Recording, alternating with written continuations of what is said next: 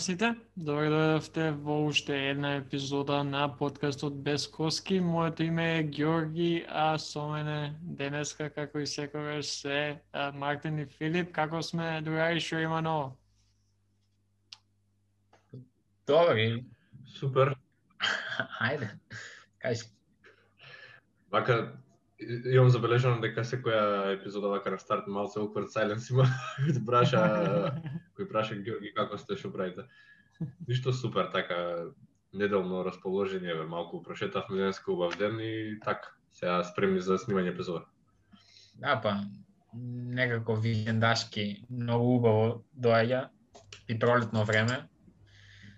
И супер иначе Само- супер. Само уште плей-оф да дојде и се ќе биде супер. Некој ја... Па ја- еве почнува и бейсбол и Тоа, тоа сега ќе кажам, викендов ми е онака прејак, бидејќи само шо, значи, сега ние снимаме, а мене ми е уклучено на радио, слушам а, бейсбол, Red Sox им играат пред, пред сезона, предобро. А, така што ако слушнете у позадина као некои збори, тоа е. А, слави се така што губаме, ама нема везе. А, окей, денес имаме неколку интересни теми кои што сакавме да ги, да ги поминеме. А, првата секако, мислам дека веќе колку 4-5 епизоди поред само за All Star збориме. Ама нели, а, излегува резервите и мора и за нив да кажеме нешто збор 2, поготово за оние кои што ги нема или не требаше да ги има. А, на западот ги имаме Ентони Дейвис, Пол Джордж, Руди Гобер, Лилард, Мичел, Крис Пол и Зајон Вилиамсон. И ова се оние кои што беа избрани. Секако има додавања поради повреди. А, на истокот а, ги имаме Джейден Браун, Джеймс Харден, Зак Лавин, Джулиус Рендл, Бен Симонс, Джейсон Тейтон и Никола Вучевич. А, од два еве, на 24-ти беа избрани, на 24-ти што се пари, 24-ти беше среда. До сега Девин Букер влезе, а, на кое место влезе се не ми текнува? на Ентони Дейвис. Ентони Дейвис, да. А, Сабонис влегува на местото на на KD, кој што Кевин Дурен, да, Мон ќе биде резерва, Джейсон Битум ќе биде старт. Да. Е сега. Ние и на Твитер пишавме најголемо е за мене најголема грешка која што тренериве ја направија е тоа што Сабонис не беше избран као резерва уште од самиот старт. И не знам, као има еве Девин Букер може да се каже дека не бил избран или некои други играчи кои што е не се на листата, ама Сабонис кој игра а, сезонава продолжение на ланската сезона игра феноменално, дабл-дабл машина е, буквално, и е најдобар играч на Пейсерси, Кој што Пейсерси се сосема респектабилна екипа на исток. И со самото тоа што него го немаше на листата, Ептен се изнервирав кога, кога видов и баш на Мартин му пишав као бойкотирам All-Старот ако Сабонис го нема на All-Star.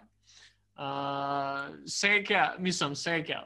Лошо е што KD ќе пропушти, иако не мислам дека баш скроз целосно заради повреда, мислам дека да сакал може да игра, ама Кейди ќе биде заменет со Бонишо, што е малце од онака го го прави ја прави целава ситуација полове. Што мислите вие за Сабонис а, и неговото неизбирање а, на у резервите?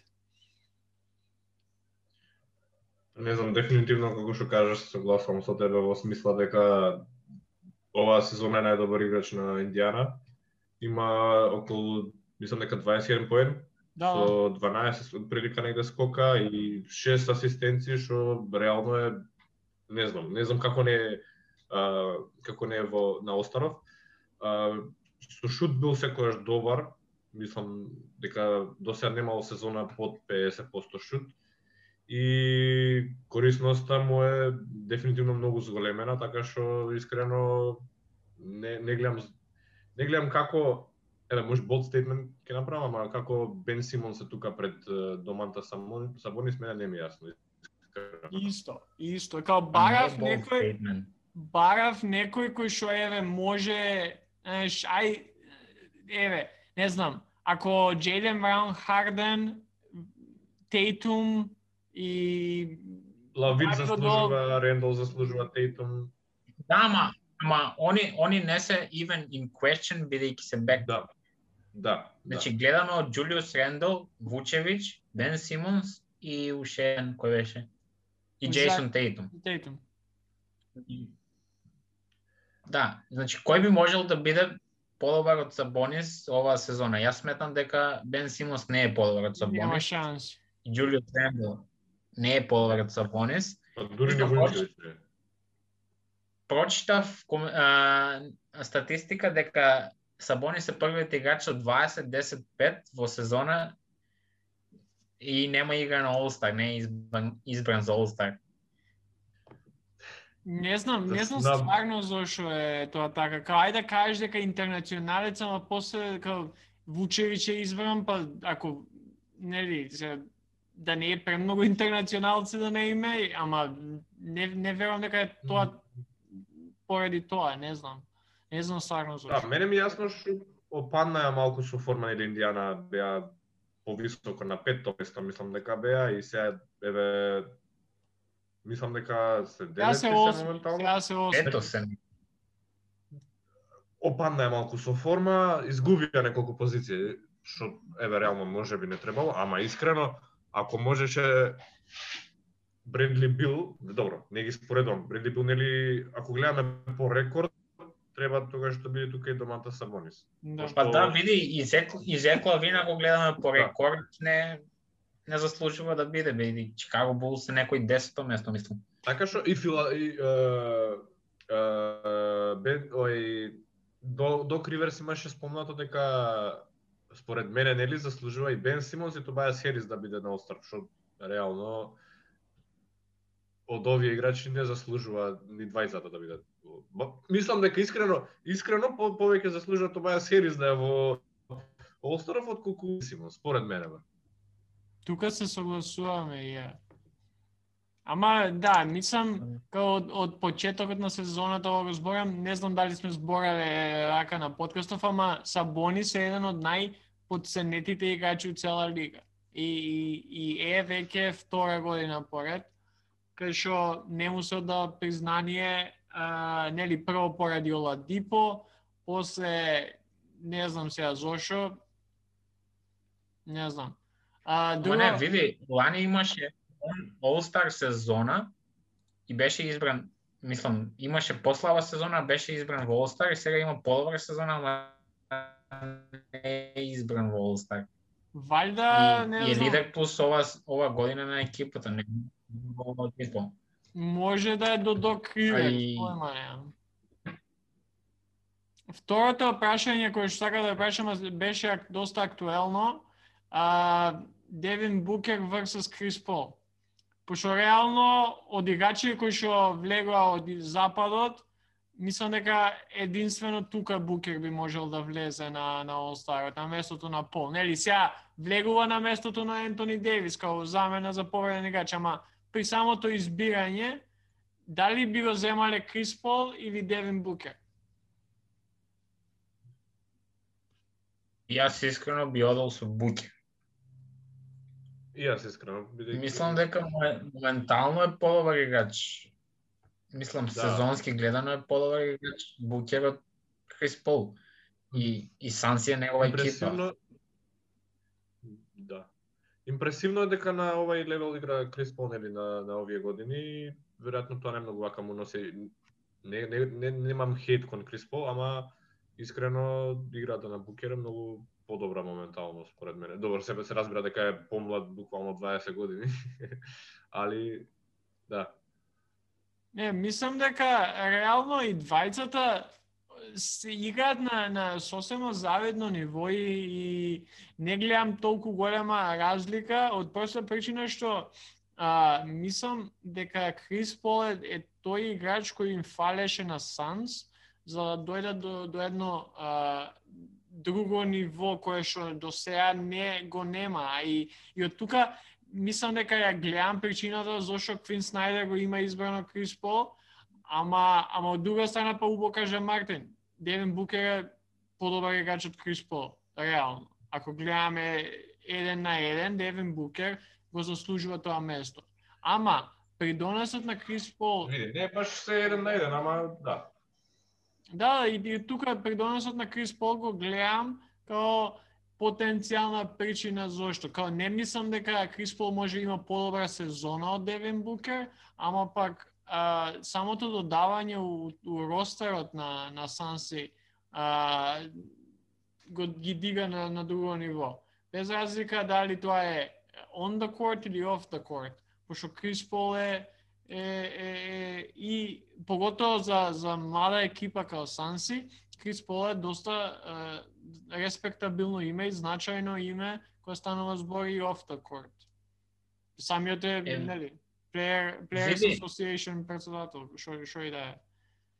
Види, Букер има цели 8 поени повеќе од Крис Пол оваа сезона дадено, а јас мислам дека пред Крис Пол може да се најде и Джамал Маре, бидејќи сепак Крис Пол е инфлуенса на, на теренот и надвор од него, ама нели во All Star се бира за само играчки, играчки а, способности и и резултати што се ги покажал оваа сезона, само оваа сезона, не, не зборуваме за 10 години назад, не зборуваме за дали си влијателен човек или не, дали твојот тим е подобар од Полани, а од Лани со твоето присуство на теренот и, и надвор од него, туку збориме за исклучиво квалитет на игра што ја прикажува играчот во моментална сезона.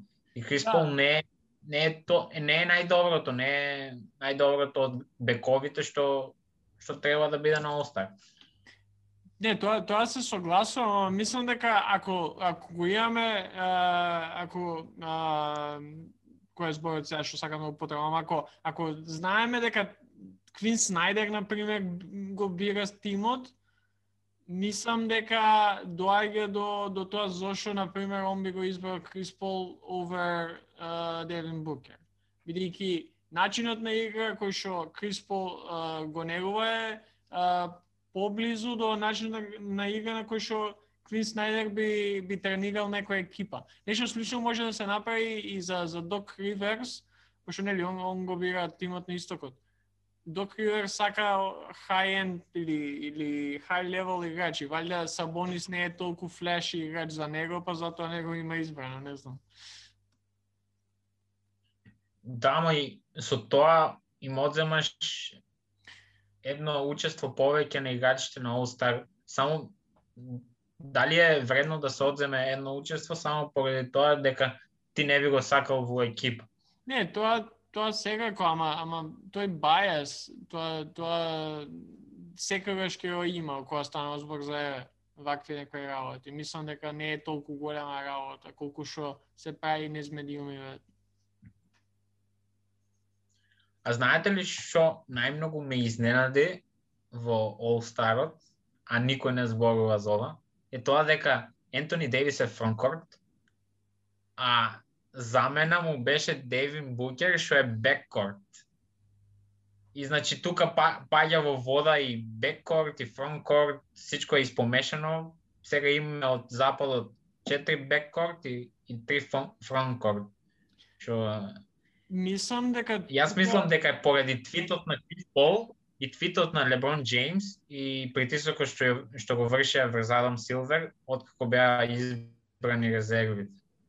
Тотално, тотално. Као ова ти е демидж контрол од, од Адам Силвер. Пошто Адам Силвер е тој што одлучува кој ќе заменува повреден играч. Као демидж контрол е ова максимална. Кај што и Бук и О, и Крис Пол и, и Леврон излегува со изјави, мислам и други играчи имаше, кај што Адам Силвер, ако, ако некој комишенер и у историјата на лигата и по другите лиги е тотално на страна на играчите и сака да да да да знаеш да, да го сака туше поеќе, тоа е Адам Силвер. Као нема нема друг кој него. Као ќе направи се за да него напаѓаат играчите. Така што доста интересно. Иначе сега кога спомнавме Леброн, а, пратите што се деша а, со Ибрахимович, нели Ибра излезе изјави дека а, не, не, ја немам се целата изјава, ама излезе дека спор, оние, спортисти не, не треба да... Не, у... Да, у кратки црти треба да правиш тоа што си најдобар во и да, да не се мешаш во политика вонка од твојот од твојата бранша. Да.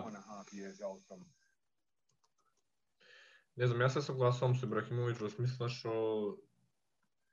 а, нели, Леброн и како и сите познати фудбалери, кошаркари, спортисти во глобала се многу нели луѓето гледаат да бидат како нив и многу ги следиме, многу се дивиме на што би кажале, што би направиле и мислам дека та with great power comes great responsibility во смисла што таа мој треба да се користи за добро. Не, не зборувам дека тоа може би не е лошо, ама а, гледа како му го промени животот на во да биде подобар од себе си, да биде не не не, не им кажа на луѓето што да прават, туку како во кратки црти што сакам да кажам да не се меша во во политика, малце измешав, ама да, согласно се Брахимович, треба да им каже како да бидат подобри во спорт, како да да живеат подобар живот, во, во тоа се професионални, нели? Тоа али не знам, не немам коментар за ова мешање во со политики.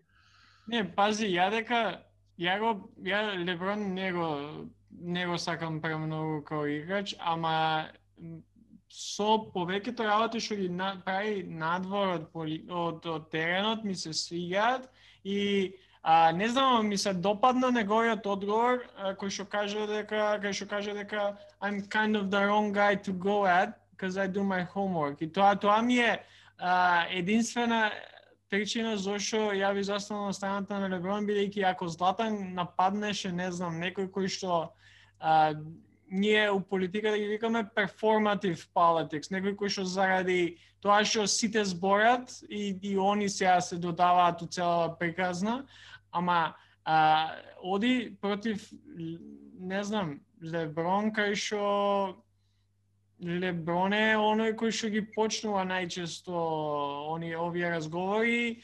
Сега до душа Леброн има промашено на неколку теми, као прво Кина која има проблеми, нели, Дерел Мори и, и Хјустон и цела целиот скандал со Хонг Конг, тука мислам дека Леброн малце а, и не не реагираше кој што треба, иако сваќам зашто тоа го направи, пари се упрашање Кина, голем маркет и се тоа, НБА.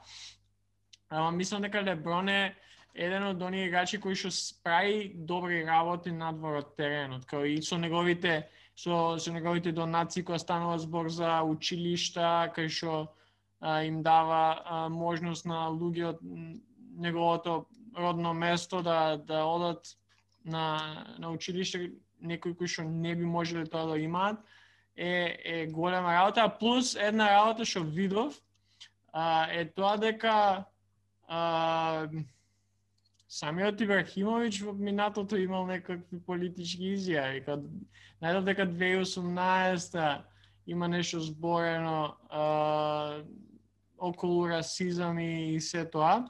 Така што мислам дека неминовно е спорт и политика ќе се мешаат а на крајот на денот, ако некој има голема платформа, зошто да не ја искористи за, за работи за кои што него ги го интересираат, а и знаат. Например, сега мене ќе ми сметаш ако дојде Леброн и ми кажува, е, ова и вака треба да биде, а се гледа дека ни знае што збори, ни а, го интересира, туку го кажува заради тоа што другите го кажуваат. Ама кога станува збор за за нешто кое што а, стварно се гледа дека знаеш збори, не ми смета. И го изгубивме Филип. Додека зборев. Не, ама види, види, а, у, тоа е поради тоа што многу зборуваш за тоа. Еве го се врати. А, ме дисконектира само апликација, вали интернетот ми падна. Да, да. Ништо продолжи. види, а, за, за Златан, не, не велам дека е во право, тој бидејќи сите ние како, мислам, после 18, како гласачко тело, можеме да искажеме свое мислење, иако не сме поврзани со политика, бидејќи секој од нас гласа, секој има право на глас. И тоа е окей да искажува свое мислење.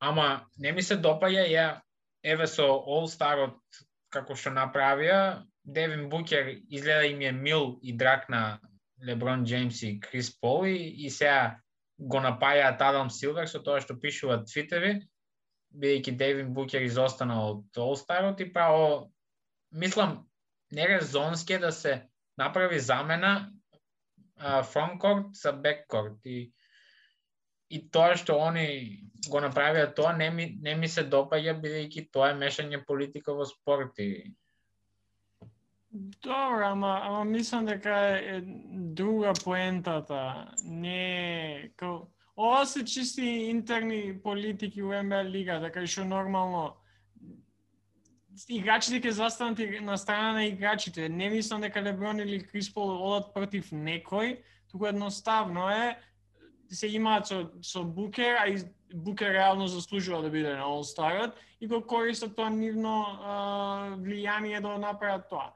Ова мислам дека е Ама поразлично. немаше немаше право да биде Букер на All Star, бидејќи веќе бе, беа изберани бекови. Да, ама на пример нема везе. играч играч поради повреда, отсуствува, друг некој може да му го замени местото. Така што а, не, пак ќе кажам, не мислам дека тоа е проблемот. Проблемот е со Black Lives Matter, проблемот е со а, неиграњето утакмица, еве може а, у баболот која се случи. Проблемот се такви некои работи за кои што мислам дека Златан збореше, ама сепак мислам дека не е толку управо.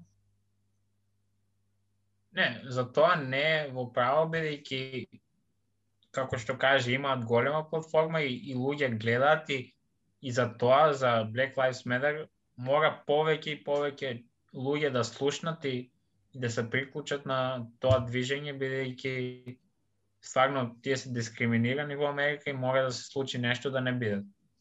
И тоа ми се допаѓа дека дека бойкотува утакмица исто и на Омион Осака имаше на Cincinnati на Синсинати Open бойкотира утакмица, не излезе на теренот. Тоа ми се допаѓа бидејќи тука во за Black Lives Matter мора да се случи промена. И ги поддржувам. Ама мислам дека е некој пат too much за со посебно за Леброн.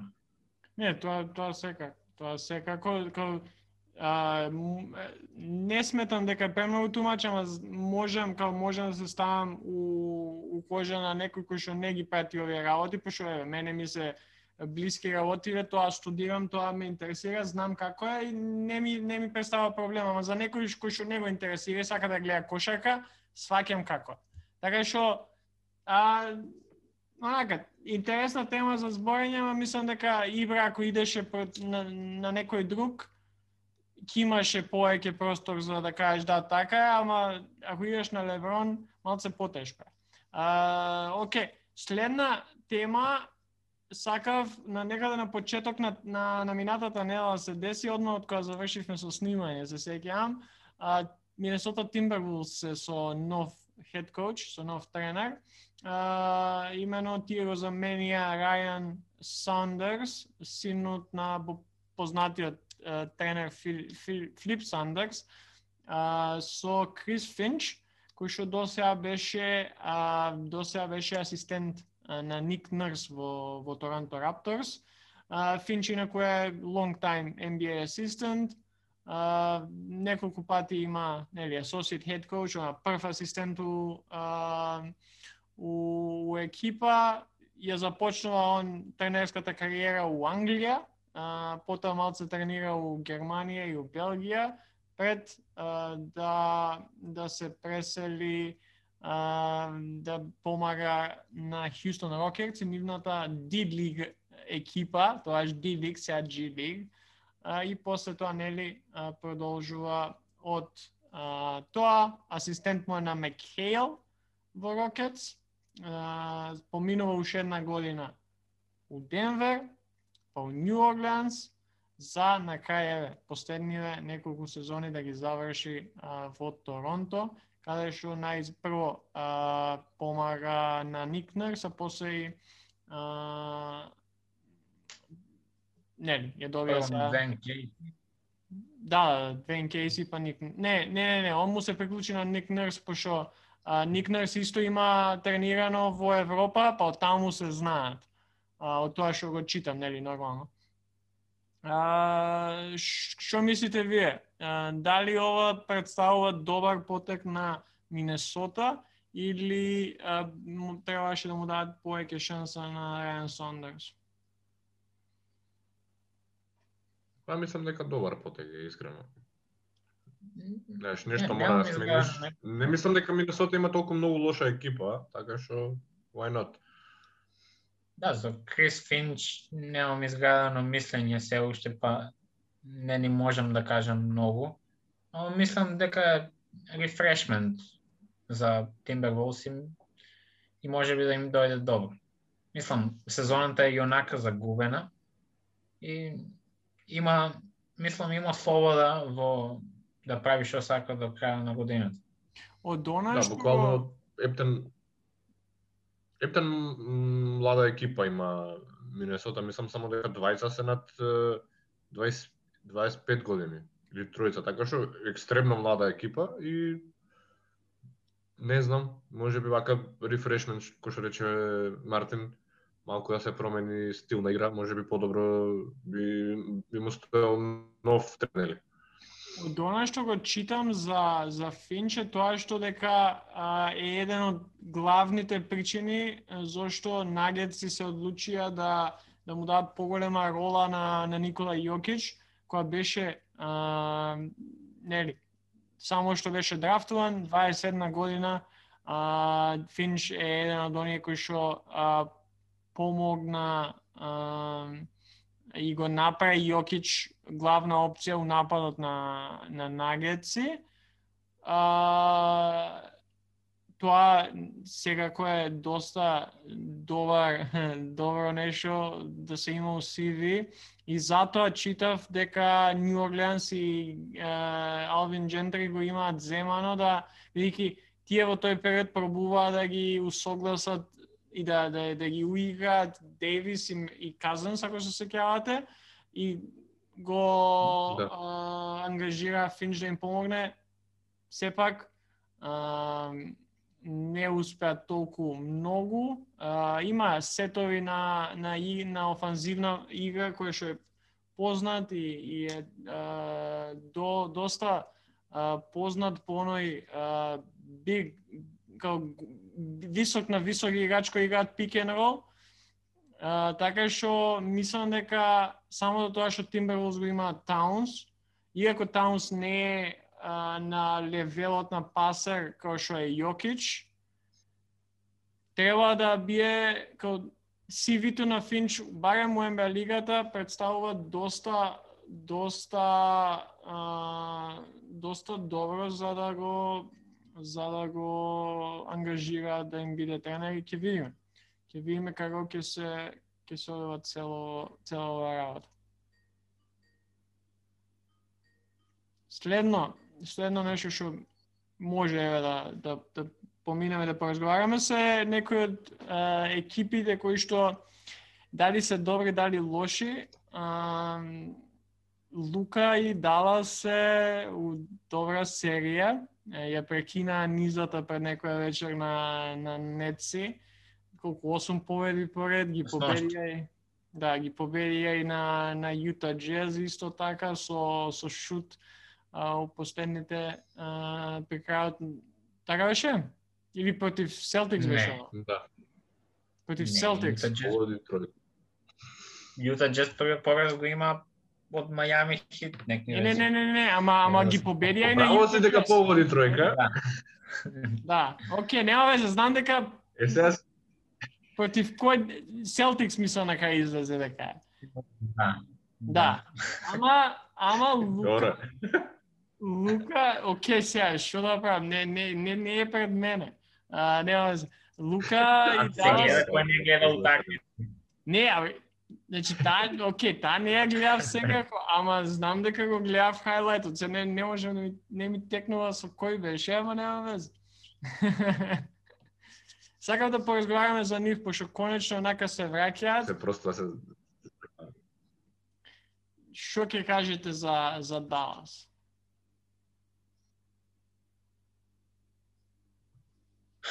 Па, Дончич, јас мислам дека го подобри својот шут и има подобри проценти. Мислам последните 5 од 5-6 утакмици има подобри проценти. И Порзингис игра, мислам с ја гледав со Бруклин Нетс утакмицата и Порзингис игра на окей ниво, мада с не игра ни Дурент ни Ирвинг, имаше слова да под кошевите. И има мислам, шутот за три е многу битен кај нив, бидејќи мислам дека во последните утакмици им почна да им работи и погодуваат. Мислам самото тоа што Дончич погодува и Бренсон, Бренсон исто така интересен играч кој погодува тројки во последно време. И мислам дека тука тука е клучот во овие добри игри на Mavericks бидејќи имаат подобар шут за три да. Дончич игра на ова, на ова ниво како што игра, само сега доаѓа до израз поради победите на Dallas Mavericks. Да, од се крена нели го израмнија рекордот 50% се победи и да, некако е пак да се врати во во контрола на ситуацијата Дончич и подобро шутира, мислам дека може што подобро шутира, ама нели со тек на време може малку дека е стреснели во повеќе утакмици има сега и поголеми е, напори, ама мислам дека еве од наредна сезона вајда и по по поубав полабаво ќе биде нели? Ланската сезона беше ептен се прекина па се почна и некако стресно е општо за сите со со ситуацијава со корона, така што мислам дека ќе се врати во форма онака уште, и дека уште подобар би било од што е се. Да, да, баш ги гледав сега Макнити што каже Брансон, во последниве четири утакмици, он сам шут, има а, 17 поени по утакмица и 60% шут за тројка со со три дајани у просек секоја утакмица. Така што Еве, и јас видов само да те дополнам, јас видов за Лука Дончич има 62,5%, 75%, 50% за три поени во последните 6 утакмици. Значи, се подобро, продолжи. Не, тоа тоа сакам да кажам, као доста е важно и таква и мислам дека а, тоа беше мој еден од проблемите уште на самиот старт кај што го изгубија Сет Кари, кој што им беше а, доста важна алка која станува збор за шутирање тројки барем и беше некој некоја константа и сега мора да најдат друг таков тип на играч кој што у просек ќе ќе му помага на Лука, без разлика Лука дали ќе троши или нема да троши премногу и шутери и топки и све, ама мислам дека до сега и уше може го бараат а, дали дали Брансон ќе биде тоа, дали некој друг ќе биде тоа, не се знае, ама еве ќе видиме како а, Порзингис се врати исто сега со со Нец која игра а, и пропушти пред тоа три утакмици. Не знам, Порзингис ми е непознаница мене целосна и, и не знам како би се одразил неговото, него- неговото играње или не играње од стилот што уште е онака топло ладно игра и не е не е уопште константен. Која игра, која го нема, изгледа Маверикс и не се толку лоши, која влегуваат у серија на победи. Која играат добро. Па види, се круша и мислам гласини за Кристоф Порзингис дека може да биде трейдуван, ама нели Марк Кюбан ги негира сите тие спекулации и они му даваат шанса на Кристапс, ама Кристапс се стварно има многу повреди и повреда врз повреда е и никогаш не можеш да очекуваш да игра пет утакмици поред од него. И таков играч на таков договор да држиш во екипа каде што не знаеш што добиваш од него, не знаеш дали ќе игра со тебе. И... Мислам дека би било паметно да го трейдуваат, според мене, ама знам дека ќе му дадат шанса бидејќи Далас Маверикс е тоа. Да, ако збориме за трейдување на Порзингис, дали има некоја екипа која што би дала доволно за Далас да да прифати трейдот и би се нафатила и на договорот и на целата ситуација со Порзингис. Не верувам дека постои таква екипа моментално. Да, би добиле некој рол, рол играчи, може би. И Тоа да, ама дали, дали да, зошто Далас би прифатил рол играч, ако и Порзингис е рол играч, као нема да моментално, а, со Порзингис имаш higher ceiling, кај што може ќе се врати, ќе биде истиот тој што што го донесо, сакаш, пред повредата у Никс. Да, ама не знам, не знам оваа сезона колку утакмици има играно, сега ќе проверам. Ама мислам дека е доста мал бројот на утакмици што има играно. И не знам, не, јас не може да очекувам, не може да очекувам од 32 18 такмици, значи пола пола. Една игра, една не игра. И не знам, јас би избрал рол играч што е нонстоп тука, отколку па не е ни звезда да кажеш Порзингис да Има потенцијал, Да има знаеш. потенцијал да би. Тоа мислам дека уште го чува, заради тоа го чуваат така како што чуваат. Што правиме со со Мајами? Кажи ни ти што се дешава со Мајами. па Добри се. Ковид ковид помина во Флорида и сега Батлер игра на All-Star антитела имаат сега и може. Да, и Драгиќ се врате. И мислам дека го имаме фул ростер, освен Майерс Ленак, нели? Имаме фул ростер и покажуваме дека мојата најава за Мајами Хит во финале е still on. И... Со тоа што тепавме Јута Джес и го прекинавме не знам колку колку победи поред од Да, Јута. бе, да, па- Ова, ова јас ги смешав Далас со Мајами, значи. Тоа е проблемот. Далас и Мајами не се меша. Оке, да, ама знам дека и двете екипи се у, у добра Не, форма. стварно, значи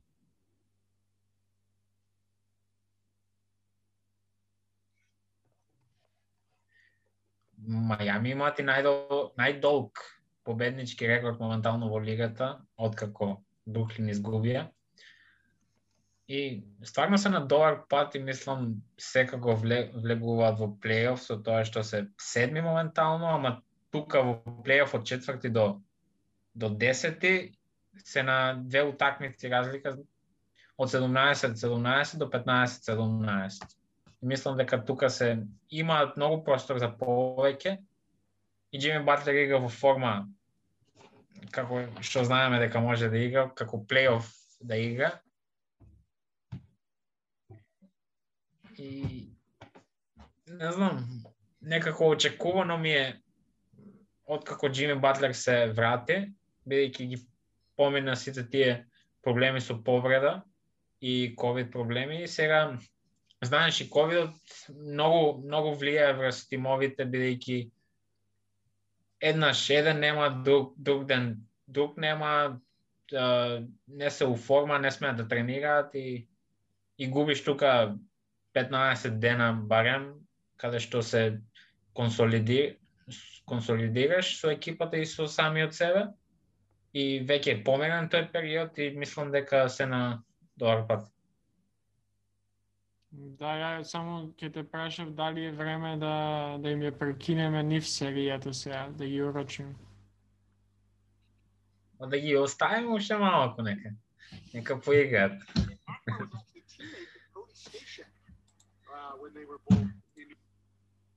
Добро, е, па е тоа што ги. Тоа. ќе ќе оставиме а луѓе што правиме со Celtics Еве, јас од прва рака да кажам, кога гледав утакмицата со Далас, значи толку нема систем у Celtics, толку се се базира на индивидуална кошарка, на Браун, на Тейтум и на Кемба. И одбраната не е одбраната на Селтикс што ја знаеме, а е нападот исто уште помалку, бидејќи се е изолација, се е за Тейтум, се е за Браун, изолации. И не знам, некако јас сумлям у Бред Стивенс, не знам. Некако не не знаат да функционираат заедно. Еве, например нели се сомневавме во Ирвинг, во Дурант и Харден, ама некако да бе тие валјда си ги ставаат егото на страна, или и играат добро. Не знам што е баш тука проблемот, дали а, нели дали со тек на време се стекнува таа контрола, нели да прифатиш дека има да го добиеш ти последниот шут или да да да прифатиш дека и друг играч е на твое исто ниво, некако не знам. Јас така гледам ситуацијава, како Еве, кој што рече Мартин изолации и буквално не знам. Не не Јас ја гледам, не не не е зарт на Бостон. јас ја гледам ситуацијава тоа што го има Кајри и сите мислевме дека Кајри е проблем. После го Да. го донесува Кемба и после Кемба не е играчот кој што беше у Шарлот. И дали у ствари проблемот е со Celtics, а не е со ни Кемба, ни Кајри, ни, ни Хейворд. И Хейворд игра кошарка како што знаеше да игра и Кајри игра кошарка како што знае да игра и, и Кемба играше, а сега не игра. Ја Бидејќи во Бостон Celtics. Правевме, значи правевме о, за ова муавет пред едно 3-4 епизоди, се сеќавам. И, и се поеќе и поеќе верувам дека а не сакам да верувам пошто стварно ми се свига uh, Стивенс, дека Стивенс е го кажав тоа се тоа што сега го кажам. Стивенс е, игра, е тип на тренер кој што најверојатно е доста добар да создаде играчи, тоа што го може тоа што можеме да го видиме и со Батлер кој нели има back to back финалиња у NCAA турнирот. А, ама која станува збор за играње, тоест за а, формирање екипа и, и играње со суперстарови, мислам дека Стивен Суше не е на тоа ниво на кое што ние мислиме дека е, кај што го дадов тоа и тогаш и сега ќе дам примерот со Душко Јошевич. Јошевич у Партизан 10 а, титули поред имаше шампион на Србија. Единствениот тренер у историјата на Евролигата што има усвоено тренер на годината да нема усвоено Евролига 2009-2010 сезона, кај што Партизан направи феноменален успех, сите ги изненади, се пласираше на Final Four и заврши четврта, ама со рекордно мал ростер и, и тоест буџет на ростерот. Ама која ја доби работата у ЦСКА Москва, мислам дека се уште важи тоа дека Душков Јошевич имаше еден од најлошите стартови на, у, у историјата на ЦСКА Москва, кај што све изгубија, поготово во Евролигата и му дадо отказ после два месеци. Тоа е поради невозмо, не, неможноста он да да успе да да да ги усогласи сите оние звезди од тимот. Ова истото го гледам со со Бред Стивенс. Не значи тоа дека он е лош тренер. Туку мислам дека се уште не е на тоа ниво кај што ќе може да атакува на титула, ама со суперстарови. Ако имаше цела екипа со Джейлен Браун и Джейсон Тейтум, мислам дека можеше да освои титула, ама нема за жал. Тука го гледам ја проблемот кај Celtics. Па, Ама види, се, Кажи, кажи. Марко. Кажи, кажи словно. А види, 2018 нели игра конференциско финале, она со Леброн Кавалерс и Бостон Селтикс, ка Джей, ми, мислам, руки сезона му беше на Тейтум и изгубија 4-3 на седма утакмица. Ели, мислев, еј, сега Селтикс ќе бидат уште подобри, знаеш, Джейсон да. Тейтум руки сезона му беше и ќе бидат уште подобри и се се одат доле, а се имаат по, подобри играчи. И не нема логика тоа да се случува ако не е проблемот не нешто внатре во Celtics, односно во Бред. Не знам дали е точно во Бред или внатре во Celtics. И ама мислам дека има има простор за само за растење, а не за пад и они падна. Па кој што кажав, нели различни играчи различно се во случајот со Војошевиќ нели различно се однесуваат. И општо знаеш валјда променување на стил на, на игра, тоа е нели битно бидејќи ако играш едно константно нешто мовиве на снимки научат како да играат против тебе. И може би онака му е здодевно истото па истото и тоа се случува, верувам дека се случува. Ево што јас јас од пример би кажал дека да, може тоа да се случи, нели сме играле едно исто исто и станува додемно и сме барале некои нови акции, некои нови а, а, нели да играме зона, да играме а, на еден на еден, па о, о, она што мислиме дека нели како како играчи ние самите имаме право да кажеш, ја мислам дека ова и ова може да успее, па тренерот одлучува тогаш дали дали ти ја прифаќа идејата, така што е, не знам. Еве да видиме дали ако нешто се промени, еве нели е, некаков стилов кој што кажа тие Георгија изолација, па изолација, изолација, може би некако да да да се проба да се уклучи бидејќи ако продолжат вака, искрено да не first round, ама second round exit сезонава.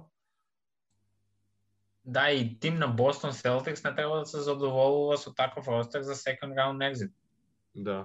И, и, и ми е чудно тоа што Стив Неш може да прилагоди три големи ега, мислам на Кайри, на Ирвинг, што што се знае дека имаат големи ега, може да ги прилагоди и гледаме одлична хемија во тимот на Бруклин Нетс, А играчи како што се Тейтум и Браун што не се познати како играчи со големи игра што не можат да играат заедно, им треба повеќе топки и знаеш такви работи, не може да ги приспособи да играат заедно.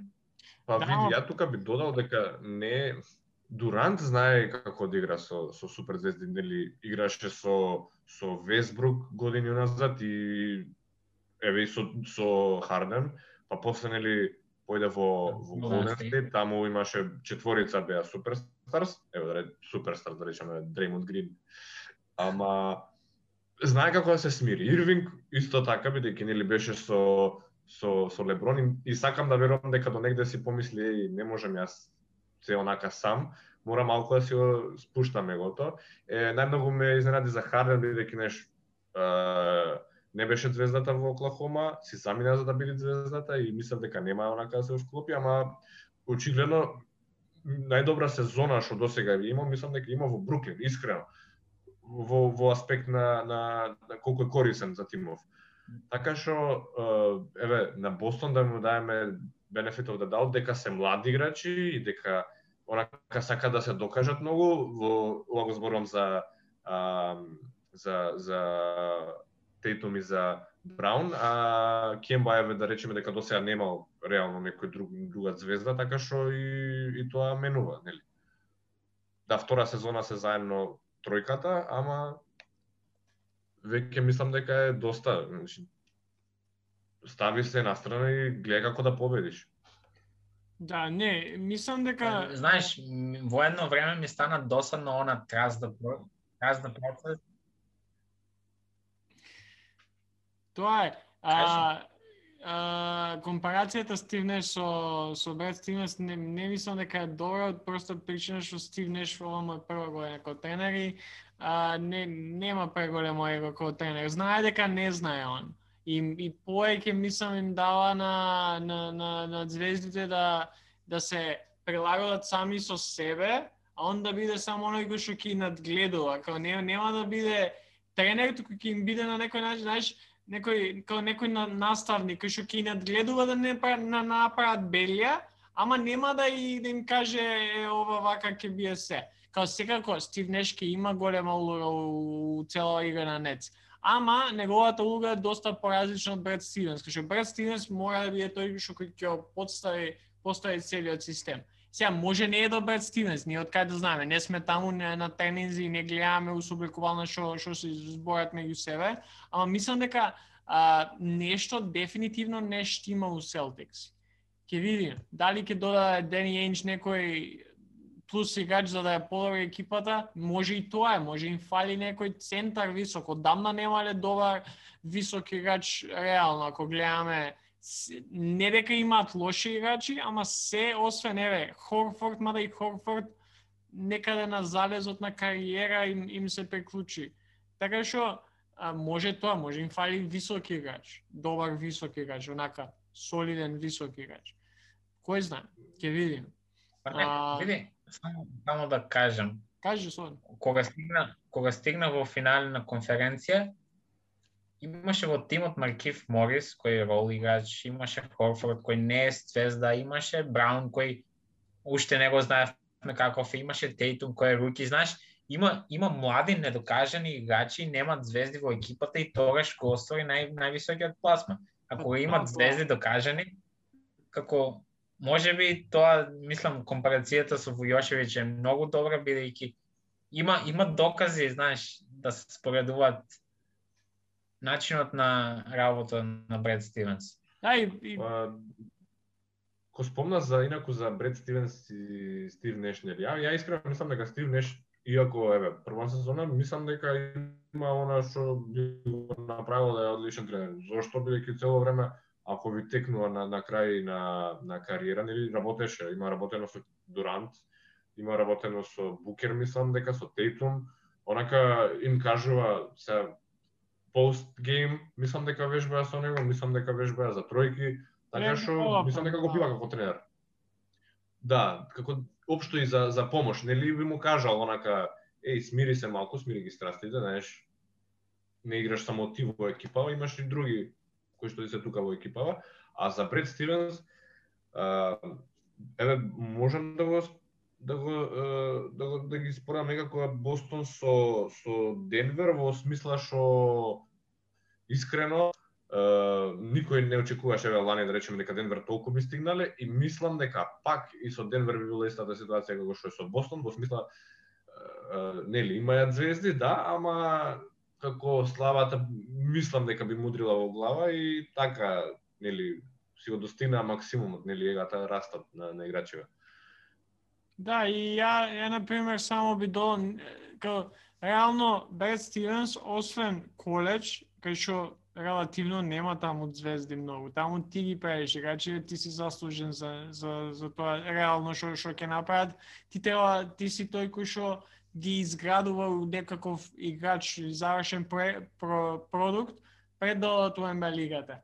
Мислам дека ќе му треба време на Бред Стивенс да дојде до тоа некоја ниво да има и дали и до авторитет, дали и до нешто друго, не знам, ама ќе му треба време. Ја ја само ова последно ќе го кажам, а, малце ми наликува на на Мајами Хит и Ерик Сполстра некаде на почетокот од неговото владење со Мајами, кај што им требаше време и на нив да се навикнат на и на на, на овие преголеми звезди кои што реално Селтикс и ги немаат, ама им требаше време и на и на Вейд и на Леброн и на Бош да се навикнат на Ерик Спорстра, Сполстра па нели ја има таа позната а, позната анекдота кај што не е анекдота, кај мислам дека е потврден факт кај што и тројцата идат у на некаде да на сред сезоната и тројцата идат у канцеларија кај Питрали и побаруваат да сменат да, да се смени Ерик Сполстра. На што Петрали им кажува no way, као нема шанси. И, и затоа Петрали е Петрали. Ама а, што сакам да кажам со пример, као ќе треба време. На Ерик Сполстра не му требаше толку многу време да ги придобие, на Бред Стивенс ќе им ќе му валјда ќе му треба повеќе време или ќе му треба подобри играчи, не знам, едно од оние две, ќе видиме. А, последна последна тема која што сакам да ја поминеме денеска е онака, ја гледам, мислам, отворена беше темата уште пред година дена, а, ама ова недела малце се поинтензивира, кај Ирвинг излезе со изјава, сега читав и Док Риверс изјава, за NBA логото. Што вие мислите, кај вика Коби треба да биде? Док Риверс вика дека треба да си остане како што е, ама на пример ако ако се менува треба Майкл да биде, биде за него Майкл е лого, Майкл е е, е најдобриот играч нели на сите времења. Букер излезе а, исто со изјава слична на на Кайри. Што што вие мислите? Види, јас избегавам вакви теми. Општо нели за кој е GOAT, едноставно ги ги ценам сите играчи и ги сакам подеднакво. А, нели Коби, Леброн, Джордан. А, она што би го кажал е да не се менува логото бидејќи нели Ирвинг вика Коби да биде, а, Док вика Джордан, некој друг ќе каже Леброн да биде, па многу е, не знам. Така што логово да си остани е таман. А, не знам. Тоа е мое мислење, ако треба некој да бираме, според она што го дал на кошарката, нели не не е на а, не е на а, она колку успеал, реално помотивиран некој од Коби, јас не знам. Не, по старите може ќе кажат Джордан. Еве, така, не би го менувал логото, чисто информативно. Јас не би го менувал логото, бидејќи ако не се случише тоа кога умре Коби, Да. тука негде, нема да се случи, мислам и сега, Да. колку Ирвинг ги да Да. кажува, бидејќи секој од нас има, како што каже Филип, желба некој да биде на логото од играчите, од поранешните играчи.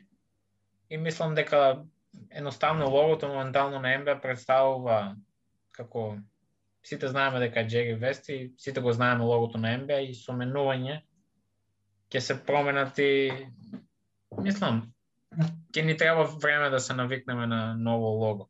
Да, ама Океј, да, се согласувам тука и, и до души до некаде се согласувам со изјавата на Док Риверска што вика као ако идеме така као што се треба да менуваме на секој 10-20 години, тука се согласувам. Ја ја на пример да бе МБ да бе Силвер би идел да се направи generic, као да не биде никаква силуета од некаков играч, туку да биде generic basketball player.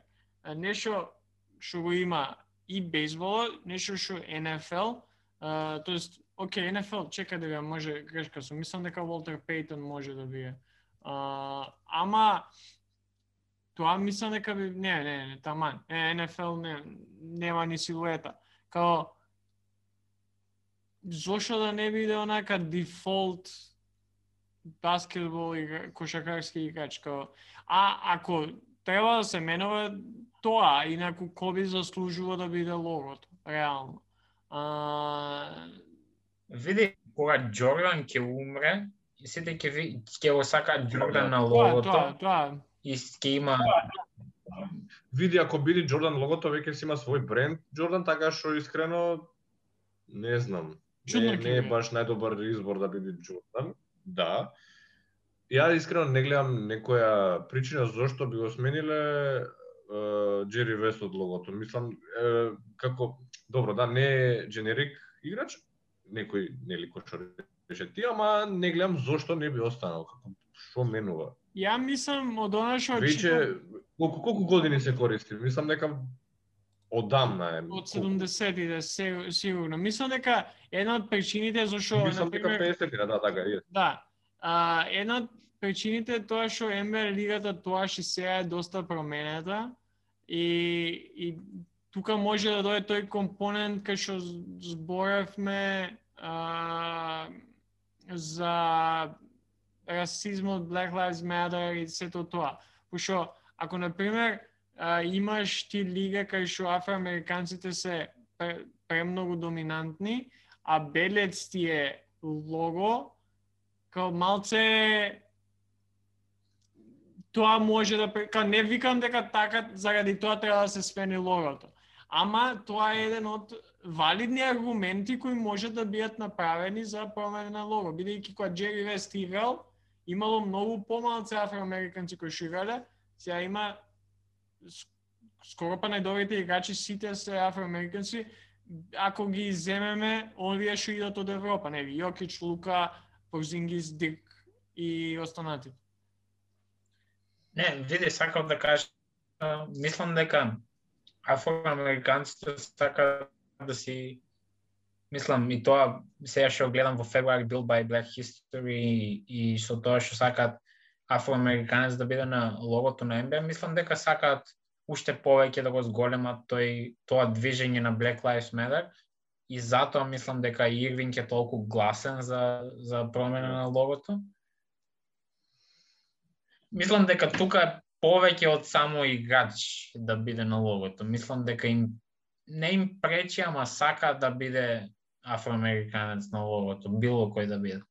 Мислам дека проблемот што со Америка е тоа што еве искрено не сум бил од социјални мрежи, не знам колку можам да оценам, нели се кажува дека уште постои расизам, неш не сакам да да да навлегувам во такви теми. И мислам, ако е тоа случај дека тоа не е окей, дека треба едноставно, нели, имаат право да бидат во историјата и, и, и во се, пошто се дел од од Америка. Не знам зошто се такви примитивни уште мислења дека сите сме едно. Сите сме луѓе, сите сме од кожа и коски направени и тоа треба да прекине. И а од друга страна мислам дека ако е ова сега нели а, сакаме да види логото заради таа и таа причина Black Lives Matter, тоа искрено мислам дека е глупо. И а, проблемов и општо го кажам, може бега малку надвор од темава, ако имате забележано нели а, имаше на Netflix за Queen Elizabeth да биде црнкиња и мислам дека е тоа не се согласувам бидејќи општо не е историски точно. Или а, треба да се направат некои нови а, нови карактери нели кај што а, тие се блек од а, афроамериканци. Да, да, не. Тука Фикци. као тоа ревижн Да. историја и се тоа тоа и се согласувам тука као до некаде преголема дебата е као не ми се свига као performative politics, бидејќи ништо суштински не се менува, туку Холивуд си прави глупости ко- кои што секојаш Холивуд прави. Ама околу ова може да, Да. да. видам до некаде, иако пак ќе кажам не се согласувам со тоа да се менува заради скроз заради оваа причина, А, поради тоа што нели, сепак постои дискриминација у, у, у лигата и, и ни спортовите у, у генерала кај што а, нели и кои се GM-ови на тимовите, кои се тренери на тимовите, а, белци се најчесто нели, а најдобрите играчи се црнци. Од тука како може да сватам зошто на пример Ирвинг би бил премногу passionate за за ова прашање и други останати би биле, Ама ја лично би го менувал логото чисто онака за да не дојаме па у причина и, и би го сменил у дженерик, да не да, да ги немаме овие дискусии зашто се небитни као лого е треба да биде универзално. И ако веќе едната страна се осеќа дискриминирана против тоа, не не знам, малце ми е и највеќе се сега со Док Риверс кај што ќе иде вака ако ќе им ќе оменуваме на секој 10-20 години реално. Да, да. Општо кажано, дел од историјата е. Сега се сваќам, ама зошто да се менува, малку ми нема смисла, ама окей. Да, и веќе 60, мислам, не 60, 50 години веќе исто логото. Да. Ја зошто да го менувам? Да. Да, Ама добро, валјда дека смртта на Коби се случи и се започнува со дебата, инаку Да, Па види, ја тогаш-. Како што рече Мартин, би го сменил одма. Значи, инстантно би го сменил и Мислам дека НБА до сега направи нели многу нели од Да. MVP наградата за. All-Star е според Коби знам дека нели дресовите беа 2 и 24, така што Да, и последното не сакам да дваесет- дека не, сакам да кажам дека не заслужил Коби, ама е, тоа требало да се смени тогаш. Сега некако касно е. Епа, види, не кога- да кога почина, кога почина Коби, па имаше дискусии за тоа, ама не беше покренато тоа Black Lives Да. Matter протести. И мислам тоа додаде и уште некој поголем мотив за да се менува. Да. да, да. Е, па добро, ајде малце политички. Жал ми е, жал ми е што мислам така се сваќаат работите и се се на дискриминација и на расизам, како треба лигата да биде едно, ама сам и Не. самите играчи некој пат ја прават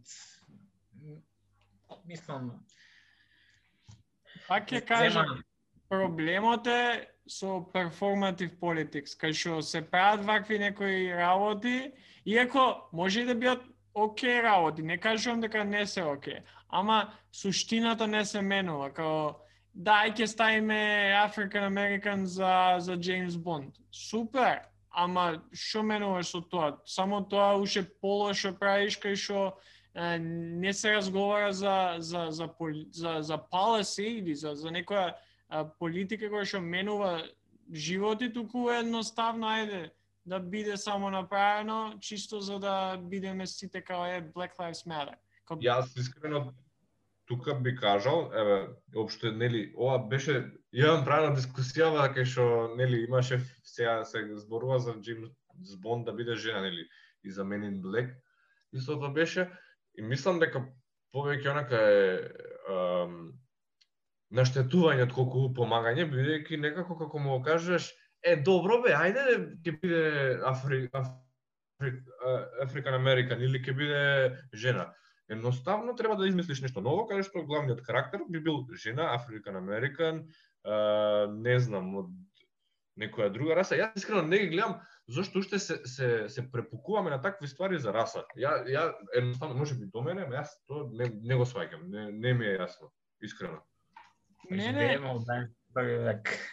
мене ми е јасно и као не сум Да. толку против тоа да се гледа низ призмата, повеќе едната раса е дискриминирана историски, као од тука го сваќам ова, ама јас сум за суштински промени. Ја не сум за а, промена на на Джеймс Бонд у машко у женско или у машко у белец у црнец или промена на а, Да. Квин Елизабет у, у African American. Као тоа не е суштинска промена, тоа е банална промена, као нико, ништо не значи, а може уште толку да, да, да ги полоши работите помеѓу двете, двете страни. Така што, Знам дека не е толку едноставно, ама ова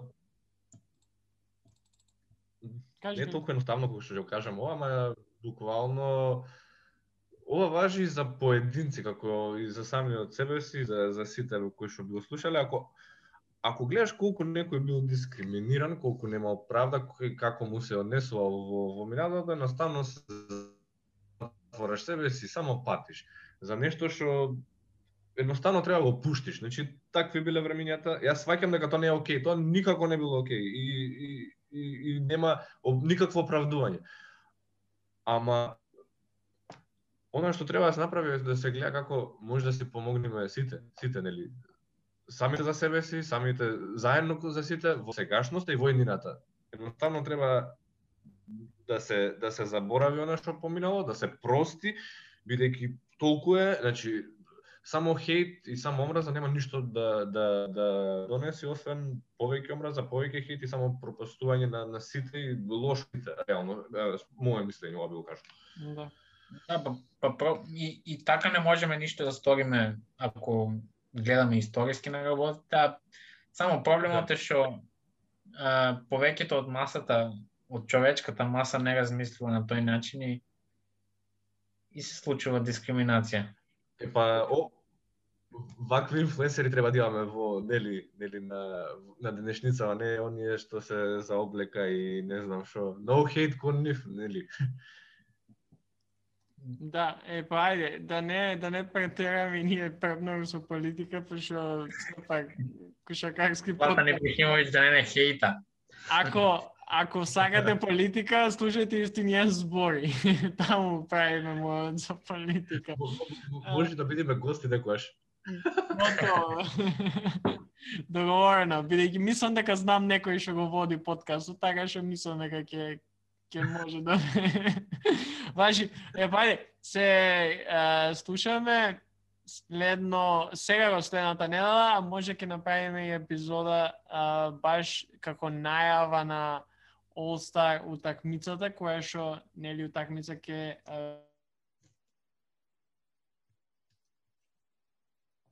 сум се мутирал, не сакајки. Ке ќе направиме некоја најава uh, за All-Star утакмицата. Uh, така што се надевам, се надеваме дека не претеравме премногу со политика. Uh, нема толку многу да збориме, само која ќе има на која ќе има повод за тоа, така што добро. Се слушаме, слушајте без коски и се слушаме пак у следната епизода и гледајте кошер. Да. Сега има супер утакмица од 9 и пол. Таман, ајде.